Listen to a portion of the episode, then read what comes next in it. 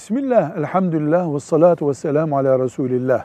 Tövbe eden günahsızdır deniyor. Bu ne demek?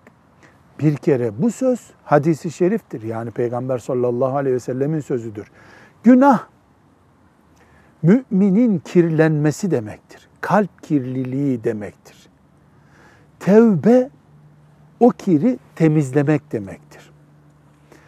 Eğer tevbe samimi ise, gerçekse, Allah da tövbeyi kabul ettiyse, mümin tertemiz demektir. Dolayısıyla günah işlememiş gibidir. Tevbeyi Allah kabul ettiği için. Velhamdülillahi Rabbil Alemin.